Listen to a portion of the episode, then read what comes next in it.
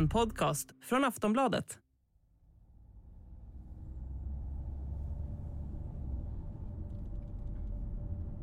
Det här avsnittet börjar vi utanför Hedemora. En ort mellan Borlänge och Avesta i Dalarna. Det är en måndag i början av oktober. Vägen slingrar sig mellan sensommargrönska och faluröda stugor. Här bor Nathalie med sin familj. Hon kommer ut på gården och tar emot oss. Hej, hej. Katarina. Ja, hej Nathalie, välkommen. Tack för att jag fick komma. Ja, det var så litet. Nathalie är 36 år och hon har precis slutat jobba för dagen. Vi sätter oss i vardagsrummet och pratar. Vi har kommit hit för att prata om Nathalies mamma. Om Jeanette. Mm, hon var en väldigt karismatisk människa.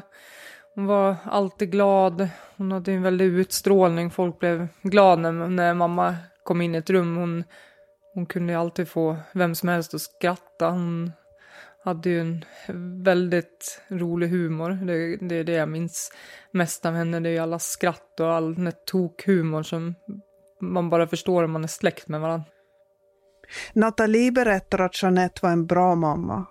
Att hon alltid fanns där när hennes barn behövde hjälp. Hon var, hon var ju väldigt men, mån om oss och var alltid ett stöd i livet när man, när man behövde allt från smått till stort så var det alltid mamma man ringde till. Jeanette var omtänksam. Hon gillade djur och framförallt hästar. Till vardags jobbade hon i vården.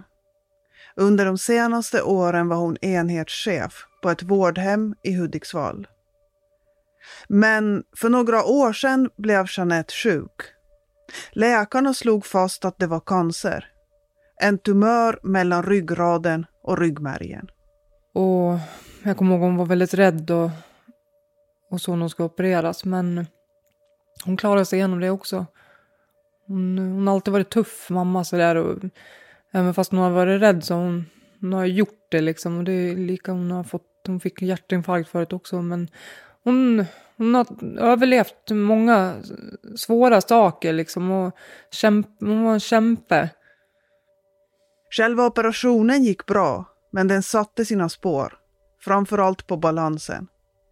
Jeanette blev aldrig helt återställd. Under den här tiden hände något. Nathalie beskriver det som att relationen till mamman förändras. Att det är svårare att nå fram till Jeanette. hon försvann liksom mer. Jag fick inte riktigt... Jag fick ju aldrig prata med mamma själv på slutet. För att det var alltid någon annan som var i bakgrunden och övervakade. Jag fick ju aldrig ha samtal på tu man hand med min egen mamma. Förutom när hon var på jobbet. För då var inte han där och höll koll. Den Nathalie pratar om är Jeanettes sambo. Han är en nu 53-årig man som bodde ihop med Jeanette i några år. Vi kallar honom Anders. Under åren med Anders förändras Jeanette. Den mamma som vi kände försvann väl mer och mer de sista åren kan man säga. Och det har ju varit både tufft och svårt och se vad det har varit som har hänt och så. Och det är mycket som har fallit på plats nu så här efterhand som man inte visste då. Men eh, successivt så försvann hon ju mer och mer ifrån den mamma som vi kände förut. Enligt Nathalie lärde hon aldrig känna sin mammas nya man. De förstod att Anders drack väldigt mycket på helgerna. Men mycket mer insyn än så, det fick de aldrig. Nathalie anade att något var fel. Och en dag fick hon ett tydligt bevis på att det var så. Det var ju det här den gången när mamma skickade en bild på sig själv och sa att hon hade ramlat på cykel.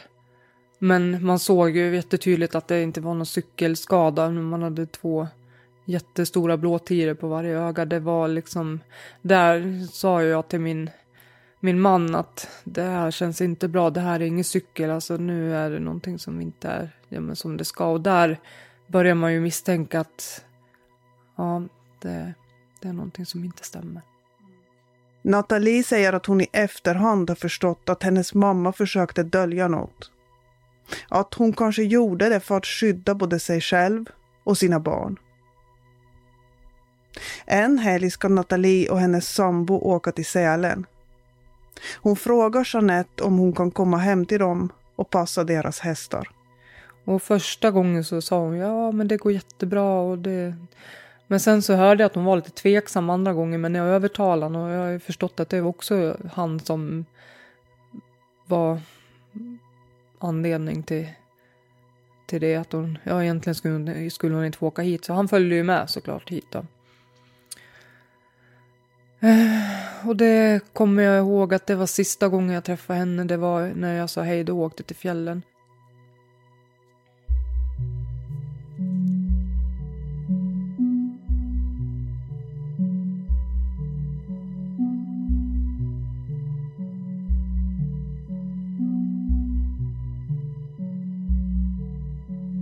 Det här avsnittet handlar om Jeanette. En älskad och saknad mamma och mormor.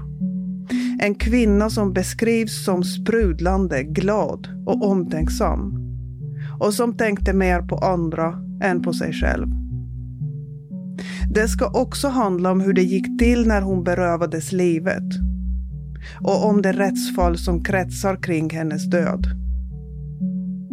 Det är ett fall som har tagit flera oväntade vändningar och som nu ska prövas av absolut högsta rättsliga instans. Men vår berättelse börjar i en rättssal i Hälsingland. Och om jag då kan få igång skärmen.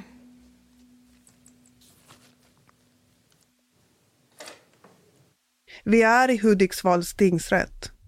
Det är en onsdag i slutet av november 2022. Det är den andra dagen i den här huvudförhandlingen.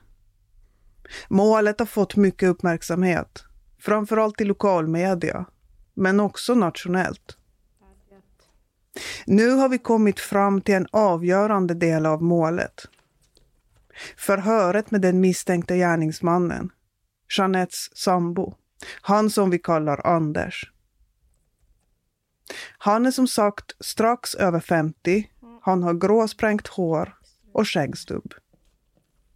Tidigare i målet har åklagaren lagt fram bevis efter bevis för att bevisa att den misstänkta gärningsmannen är skyldig. Men nu ska alltså Anders höras. Domaren förklarar upplägget för honom. Själv får tillfälle att berätta vad man uppfattar viktigt att rätten ska känna till. Sen blir det frågor av åklagare, offentligt målsägandebiträde och offentlig försvarare. Vill du inleda själv eller vill du att det redan vid inledningen ställs frågor? Nej, det är väl som advokaten sa. Jag och berätta så att... Det börjar lite trevande. Ja, varsågod och berätta det du uppfattar viktigt att vi ska känna till. Ja. I fråga om den där dagen eller i... Domaren verkar vilja hjälpa Anders på traven för att få honom att börja berätta. Hur har det varit? Har du haft ett förhållande med Jeanette? Och, och hur har förhållanden varit? Samt vad har hänt vid de respektive tillfällen som åklagaren menar att du har begått några gärningar? Anders får ordet igen. Ja, det har väl varit stökigt förhållande. Jag vill säga. På vilket sätt då? Ja... Det har ju varit mycket sprit. Alkohol då. Sen fortsätter Anders berätta. Han ägnar sig mest åt att prata om Jeanette och om sidor hos henne som han inte gillade. Han berättar om händelse efter händelse som av allt att döma inte har någonting att göra med målet. Han tycks noggrant undvika den kväll som åtalet gäller. Efter ett tag bryter domaren in igen. Ja, varsågod då att Eh, genom frågor av åklagaren komma in på det som ska avhandlas. Varsågod, åklagaren. Mm. Eh, då tänker jag att vi börjar med den här eh, kvällen, natten när Jeanette dog. Eh, och eh, kan du berätta det du minns av vad ni gör tidigare under kvällen?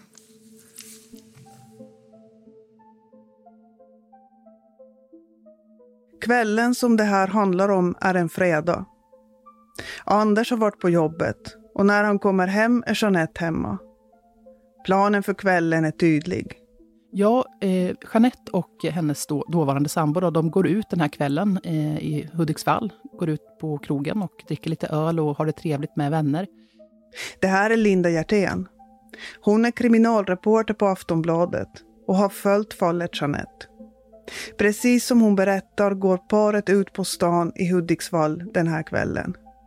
Men det tar lite tid för dem att komma iväg. Anders berättar i rätten. Jag donade på lite grann på gården och sådär innan vi gick in ett tag. Och sen så sa jag att ja, jag går in och gör mig ordning så jag gick in och duschade. För jag var ju skitig, jag kom från jobbet. Anders duschar och gör sig klar för kvällen. Jeanette har lite mer att fixa innan de kan gå. Så att det är väl så, hon står och gör sig ordning och jag, ja, jag är väl i ordning i princip. Jag bara drar på mig kläderna och går, ja. Jag dricker väl upp en, jag vet inte, sex öl då. Men sen går de alltså ner på stan. De hittar en bar och sätter sig. Vi går dit, vi dricker några öl. Enligt Anders är det irriterad stämning mellan dem. Efter ett tag byter de bar och går till ett nytt ställe en bit bort. Det är folktomt till en början, men det fylls på. Enligt Anders är stämningen fortfarande spänd mellan honom och Jeanette. De sätter sig med ett annat sällskap. Så då går vi upp, har jag för mig. Vi går upp och så beställer vi mer, för de gick ju till disken. Så vi ställer så beställer vi ännu mer öl där då. Och så går vi och sätter oss en stund med dem. Anders menar att han inte trivs. Ja, jag tyckte inte att det var speciellt trevligt. Jag liksom sitter där, var inte mitt sällskap just då. Så jag går upp, jag tänkte ja, jag går upp och köper mer ja. Jag var uppe och köpte några öl, jag köpte några whiskyn och så tänkte jag gå tillbaka ner dit nu och så bjuder jag på whisky och så liksom kommer igång lite stämningen där. Sen påstår han att han och Jeanette börjar tjafsa igen. Och någonstans i den här vevan verkar Jeanette få nog. Och eh, Jeanette bestämmer sig för att åka hem på egen hand. Så hon åker hem till en granne först och sitter och pratar lite med honom. Anders är kvar på stan. Han går ut till uteserveringen på baren och sätter sig ensam vid ett bord. Så satt jag där med, om det nu satt något folk där, det minns inte jag, men någon var det väl där. Och sen, jag satte mig och så drack jag upp alltihopa jag hade köpt. Sen säger Anders att han lämnar stället. Han går och sätter sig på ett nytt ställe tillsammans med några andra. Och där drack vi mer. Och då bara drack vi, då gjorde vi inget. Vi drack bara och skrattade med varandra där och så drack vi så. Det har varit mycket groggar och grejer där skulle jag tro. Sen säger Anders att det blir dimmigt. Att han inte minns. Han menar att han får hjälp hem av en annan person. Jag liksom kommer inte ens ihåg när han skjutsade hem eller någonting sånt. Utan jag, det jag kommer ihåg det är att jag vaknar i sängen på morgonen. Jeanette ligger bredvid mig. Jag ligger ytterst och hon ligger här. Och det enda jag reflekterar på det var att man tar på henne när man vaknar och jag kände att hon var kall. Det här avsnittet är exklusivt för Aftonbladet Plus och Podmi-kunder. Gå in på kampanj.aftonbladet.se aftonbladetkrim så kan du signa upp för Plus i två månader för 49 kronor. Sen kan du lyssna på Aftonbladets app eller sajt. Vill du testa Podmi kan du göra det i 14 dagar kostnadsfritt. Gå in på podmi.com och teckna Podmi Premium så får du tillgång till alla premiumpoddar helt utan reklam. Hey, I'm Ryan Reynolds. Recently, I asked Mint Mobile's legal team if big wireless companies are allowed to raise prices due to inflation. They said yes. And then when I asked if raising prices technically violates those onerous two year contracts, they said, What the f are you talking about, you insane Hollywood ass? F- So to recap, we're cutting the price of Mint Unlimited from $30 a month to just $15 a month. Give it a try at mintmobile.com slash switch. $45 upfront for three months plus taxes and fees. Promo rate for new customers for limited time. Unlimited more than 40 gigabytes per month. Slows. Full terms at mintmobile.com.